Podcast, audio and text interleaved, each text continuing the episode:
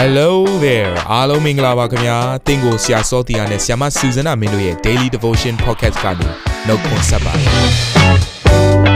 ဆရာနဲ့ဆရာမတို့ရဲ့အသက်တာမှာဘုရားရှင်ပြုတဲ့ကောင်းကြီးမင်္ဂလာများစွာရှိပါတယ်အဲ့ဒီအထက်ကပြန်လဲစီးဆင်းတဲ့နှုတ်ကပတ်တော်ကိုဒီနေ့မှနားထောင်ပြီးခွန်အားယူကြမှာဖြစ်ပါတယ်နေ့စဉ်10မိနစ်လောက်အချိန်ပေးပြီးမိမိရဲ့အသက်တာကိုကောင်းကြီးဖြစ်စေမယ်ဘုရားသခင်ရဲ့နှုတ်ကပတ်တော်နဲ့နီးလန်းတွေကိုအတူတကွခံယူကြရအောင်ခင်ဗျာ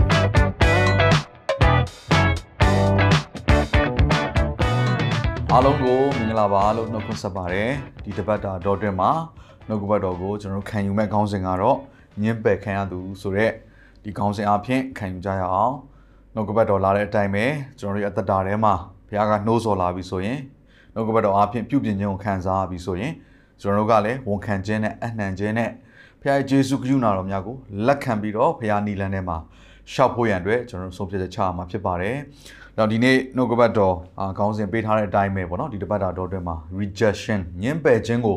ခံစားရတဲ့လူတစ်ယောက်အသက်တာထဲမှာနောက်ဆုံးမှာလွတ်မြောက်ခြင်းเนาะညင်ဝခြင်းကိုဘယ်လိုပုံစံနဲ့ခံစားမလဲဆိုတော့နီလန်းတွေကိုလည်းတခါတည်းနှုတ်ကပတ်တော်အဖြစ်အဖြေရှာသွားမှာဖြစ်ပါတယ်။ပထမနေ့ရက်အတွက်ခေါင်းစဉ်ကတော့မိမိဤဒဏ်ရာကိုနားလေသဘောပေါက်ခြင်းဒီနေ့နှုတ်ကပတ်တော်ကိုခံယူလေ့လာနေကြသောသူတယောက်စီတိုင်းအသက်တာထဲမှာကိုကသတိမထားမိရင်တော့မှာကိုရဲ့အသက်တာထဲမှာ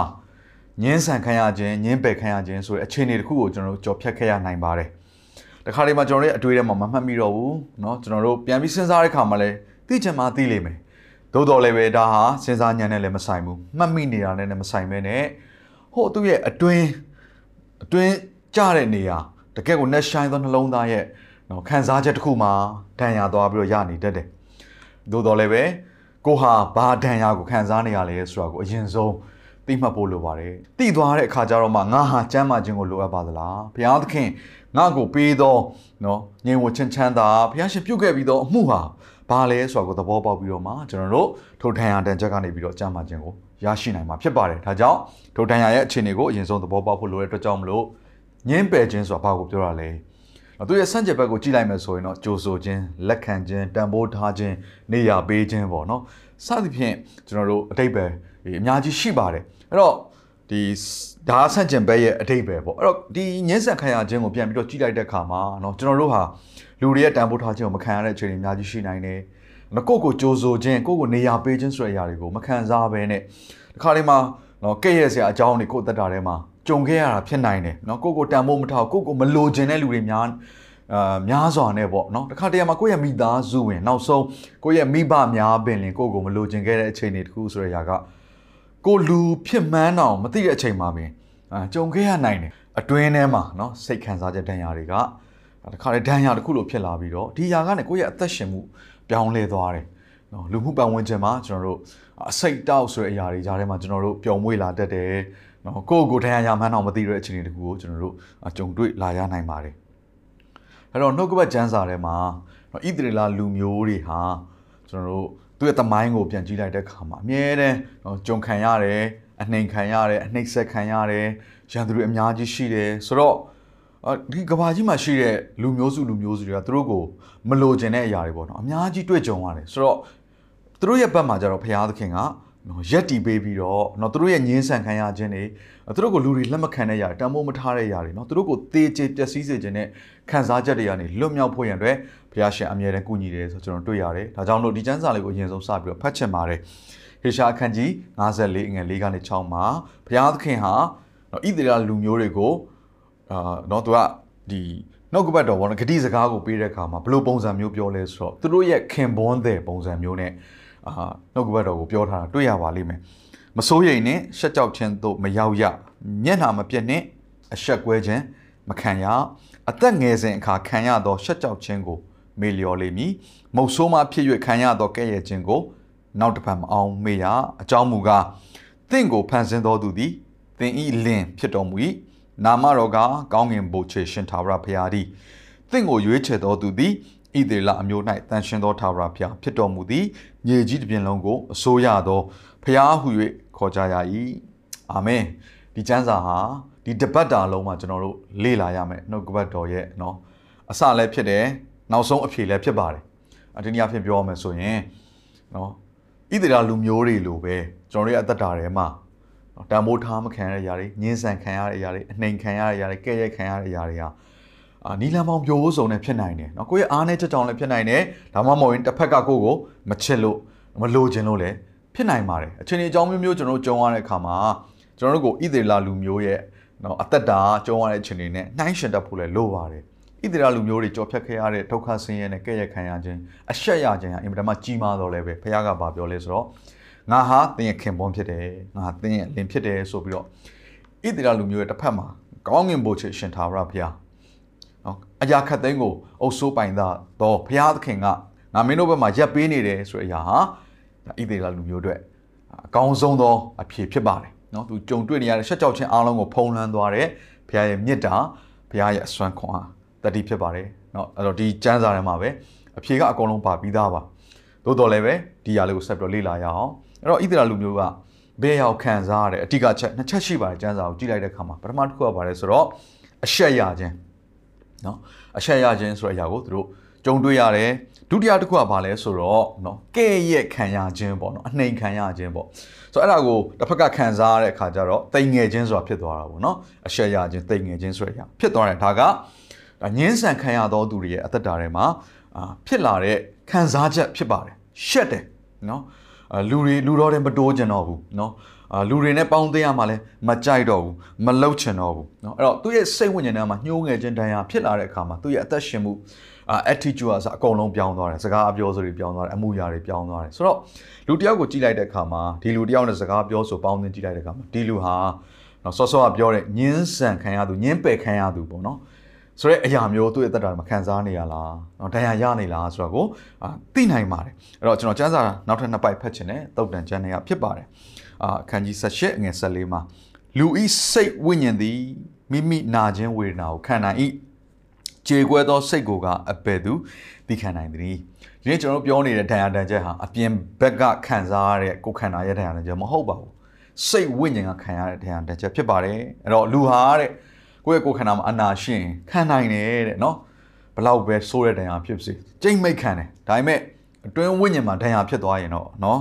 ဘယ်သူမှမခံနိုင်ပါဘူးတဲ့ကတုတ်တန်ခန်းကြီး15အငယ်73မှာဒီလိုရေးပါတယ်ရှင်လန်းသောစိတ်နှလုံးသည်ချိုသောမျက်နာကိုဖြစ်စေတတ်၏ညှိုးငယ်ခြင်းအပြင်ကစိတ်ပြတ်တတ်၏ဒါကြောင့်ကျွန်တော်စောစောကပြောသလိုလူတစ်ယောက်နဲ့ပေါင်းသင်းဆက်ဆံလိုက်တဲ့အခါမှာ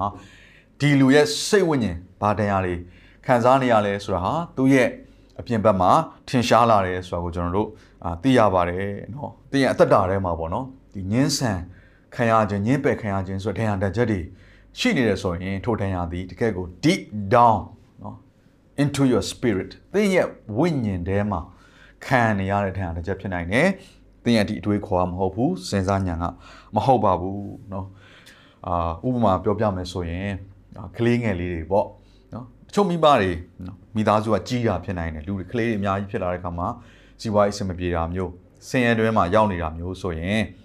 ဆိုတော့နော်ဟိုအသိပညာလည်းနည်းတဲ့မိသားစုလည်းဖြစ်ကောင်းဖြစ်နိုင်တယ်ပေါ့နော်ဒါမျိုးအခြေအနေမျိုးဆိုရင်သူကကိုဝင်တားတာမျိုးလည်းမရှိတော့ဘူးเนาะဆိုတော့ကလေးကเนาะရသမျှယူနေတဲ့ပုံစံဖြစ်တော့တယောက်ပြီးတယောက်တိုးလာတဲ့အခါမှာပင်ပန်းလာတယ်ဆင်းရဲလာတယ်เนาะစိတ်တွေရှုပ်ထွေးလာတဲ့အခါမှာမိဘတွေကိုယ်တိုင်ကကလေးငယ်လေး တယောက်ကိုဝင်ရှိလာတဲ့အချိန်မှာသူတို့ရဲ့စိတ်ကဒီကလေးကိုလိုချင်တဲ့စိတ်မရှိတော့ဘူး။နော်ဒါအမျိုးမျိုးဖြစ်နိုင်တယ်နော်။အချို့ကကြတော့လေအာသားသမီးကိုရွေးတာရှိတယ်ယောက်ျားလေးမှမိန်းကလေးမှနော်။အဲ့တော့ယောက်ျားလေးလိုချင်တဲ့လူကမိန်းကလေးကိုဝင်ရှိတယ်ဆိုတာသိလိုက်ရင် तू မလိုချင်တဲ့အရာကိုပါဇက်ကပြောမိတယ်။စိတ်ထဲကခံစားနေရတယ်။ဒီအရာဒီဒီနော်ကိုဝင်ဆောင်နေတဲ့အချိန်မှာပဲကလေးငယ်လေးက ခံစားနေရတဲ့အရာတခုဖြစ်ပါတယ်เนาะဒါကိုဝင်ဆောင်တဲ့အရာနဲ့ပတ်သက်ပြီးတော့เนาะ break တွေဆွဲရတဲ့အရာနဲ့ပတ်သက်ပြီးတော့စေပညာနေပဲကြည့်ကြည့်သိပ္ပံရှုထောင့်ကပဲကြည့်ကြည့်နှုတ်ကပတ်တော်အရာပဲကြည့်ကြည့်အတွေ့အကြုံတွေရပဲကျွန်တော်တို့เนาะသင်ယူသင်ယူ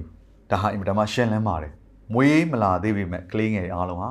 မိခင်ဖခင်တွေရဲ့စိတ်နှလုံးခံစားချက်အားလုံးသူအကုန်လုံးခံယူတယ်နားလဲတာဖြစ်တယ်ဆိုတော့အစားအသောက်တစ်ခုပဲသူကအာဟာရတစ်ခုပဲယူတာမဟုတ်ဘူးเนาะခံစားချက်အားလုံးမှာသူကတစ်ခါတည်းခံစားတာဖြစ်တယ်ဒါသူ့ခေါင်းထဲမှာမမှတ်မိဘူးเนาะနော် ဒါကိုသူပြန်ပြီးတော့ recall လုပ်လို့လည်းမရပြီအထက်မှာထန်ရပါသွားပြီဆိုတော့တခါမွေးလာပြီးတဲ့အချိန်မှာကြော်ဖြတ်ရတဲ့နော်အာမိသားစုအခြေအနေချိုးတွေကအမိဘတွေရဲ့ညှင်းဆဲခြင်းနော်အာဒဏ်ရာတွေမျိုးမျိုးပေးခြင်းခံရတယ်စကားအားဖြင့်တော့လည်းကောင်းနှိမ်ခြင်းခံရတယ်နော်သူ့ကိုတန်ဖိုးမထားခြင်းတခြားသောညီကောင်မောင်မတွေနဲ့နှိုင်းရှင်တာမျိုးအခြားသောမိသားစုကကလေးနဲ့နှိုင်းရှင်တာမျိုးတခါဒီမွေးလာတဲ့ကလေးတွေအားနေချက်တွေပေါ်မှာနော်မိဘတွေကအားမရတဲ့အခါမှာနော်ပြုမှုတဲ့အရာဆက်ဆံပြောဆိုစကားလုံးတွေကဆိုအားလုံးဟာ သူ့ရဲ့အတွင်းထဲမှာအကုန်လုံးအထံရအနေနဲ့ပါသွားတာဖြစ်တယ်။ကြောင့်ဒီနေ့ဒီနှုတ်ကပတ်တော်ကိုဒီနေ့ခံယူနေရတဲ့အချိန်မှာသင်ကိုယ်တိုင်ကအစငါဟာနော်မသိပေမဲ့လေငါရဲ့အသက်တာထဲမှာညှင်းဆန်ခံရတော်သူတယောက်ဖြစ်နေပါသလားညှင်းပယ်ခံရတော်ထင်ရတဲ့ချက်တွေငါခံစားနေရပါသလားဆိုတဲ့အရာကိုပြန်လည်ပြီးတော့ကိုယ့်ကိုယ်ဆင်ခြင်မှုဖြစ်တယ်ဆန်းစစ်ဖို့ဖြစ်တယ်ဆိုတော့ကိုယ့်ရဲ့ဒဏ်ရာအခြေအနေကိုအတိတ်အနက်ကိုသဘောပေါက်ဖို့ဖြစ်တယ်ကျွန်တော်နှုတ်ကပတ်တော်ကိုလည်းကျွန်တော်မနေ့ပြန်မှာဆက်ပြီးတော့လေ့လာတဲ့အချိန်ကြရင်နော်အဲ့လိုလူရဲ့ လက္ခဏာပေါ့အခြေအနေကဘာလဲဆိုတဲ့အရာလေးကိုကျွန်တော်နှုတ်ကပတ်တော်နဲ့ကျွန်တော်လေ့လာသွားမှာဖြစ်တယ်ပြောသွားမှာဖြစ်ပါတယ်အသင်အသင် checklist ပေါ့နော်။ဟောဒီချက်တွေဒီချက်တွေကကိုက်ညီနေပါလား။ဒါဆိုရင်တော့တော့ငါရဲ့အသက်တာတွေမှာဒီလိုတန်ရာတန်ချက်တွေရှိနေပါလားဆိုရင်ကိုယ့်အခြေအနေကိုကိုယ့်တန်ရာကိုသိပြီဆိုရင်အဖြေနဲ့ကြမ်းမာခြင်းကိုလည်းဘုရားသခင်စီကခံယူနိုင်မှာဖြစ်ပါတယ်လို့เนาะအဲ့တော့ကျွန်တော်အနေနဲ့အာဒီနေ့မှာတော့ဒီလောက်ပဲပြောချင်ပါတယ်အဲ့တော့ခဏလောက်เนาะဆူတောင်းကြရအောင် ဘုရားသခင်ကိုတော့ကိုယေရှုတင်ပါတယ်တခါတရံမှာဒါတွေအသက်တာထဲမှာဘလို့တန်ရာတန်ချက်တွေနာကျင်မှုတွေစိတ်ဝေဒနာမြောက်များစွာနဲ့ကြော်ဖြတ်ခဲ့ရလေဆိုတာကိုကိုယ်တိုင်ပင်မသိတော့ခြင်းတွေရှိတော်လဲပဲယနေ့နှုတ်ကပတ်တော်အားဖြင့်သားတို့အဖြေရှာတဲ့အခါမှာသားတို့ရဲ့အတွင်းဝိညာဉ်ထဲမှာပင်လင်တရားတစ်ချက်တွေများစွာရှိနိုင်ပါတယ်ဖဘုရားသခင်ယနေ့ကိုရောထံမှာသားတို့တိုးဝင်ပါတယ်ဖဘုရားသခင်ဝိညာဉ်တော်ဘုရားသည်ယနေ့နှုတ်ကပတ်တော်ကိုနားထောင်သူတယောက်ဆိုရင်အသက်တာထဲမှာ နေ့အတွင်းဝိညာဉ်နဲ့ဆိုင်သောဒဏ်ရာများကိုတော့ဖွင့်ပြပါထိုရာကနေပေါ်လာတဲ့အသက်ရှင်မှုတွေမှာမှားယွင်းမှုတွေရှိပါကလည်းယနေ့ကိုရရှင်ဖျားပြီးပြည့်စုံသောလူတစ်ယောက်အနေနဲ့ကိုရိုနဲ့တာ၍တူသောလူတစ်ယောက်ဖြစ်လာဖို့ရန်အလို့ငါကိုရောကျွန်တော်တို့ကိုကျေးဇူးပြုပါဖော်ပြပါတပြိုင်တည်းထက်မှာကိုရောရဲ့မေတ္တာအားဖြင့်လည်းထိုတရားတစ်ချက်များကိုကြမ်းမာလျက်လွတ်မြောက်တော်သူဖြစ်ဒါတို့ကိုရွေးခေါ်ပါကျေးဇူးပြုပါမိကြောင်းဆုတောင်းကြပါရဖခင်ဘုရားသခင်အသက်ရှင်သောနာဇရက်မြတ်ယေရှုနာမကိုအမိပြုလျက်အသက်တာများကိုစက္ကန့်အနှံကြပါ၏ အာမင်နာတော်တာစင်သူတိုင်းရဲ့အသက်တာမှာကောင်းကြီးဖြစ်မယ်ဆိုတာကိုကျွန်တော်ယုံကြည်ပါတယ်သင်ရဲ့အသက်တာအတွက်များစွာသော resource တွေနဲ့ update တွေကို Facebook နဲ့ YouTube platform တွေမှာလည်းကျွန်တော်တို့ပြင်ဆင်ထားပါတယ် Facebook နဲ့ YouTube တွေမှာဆိုရင် search box ထဲမှာ Susanna မင်းလို့ရိုက်ထည့်လိုက်တဲ့အခါအပြအယောင်အမှန်ချစ်ထားတဲ့ Facebook page နဲ့ YouTube channel ကို တွေ့ရှိမှာဖြစ်ပါတယ်နှုတ်ကပတ်တော်တွေကိုဗီဒီယိုအားဖြင့်လည်းခွန်အားယူနိုင်ဖို့ရန်အတွက်အစင်သစ်ပြင်ဆင်ထားပါတယ်ကျွန်တော်တို့ဝิญဉ်ရေးရာအတွက်အထူးလိုအပ်တဲ့ဖွင့်ပြခြင်းတွေနဲ့ခွန်အားတွေကိုရယူလိုက်ပါနောက်ရက်များမှာပြန်ဆုံတွေ့ကြရအောင်ခင်ဗျာအားလုံးကိုနှုတ်ဆက်ပါတယ်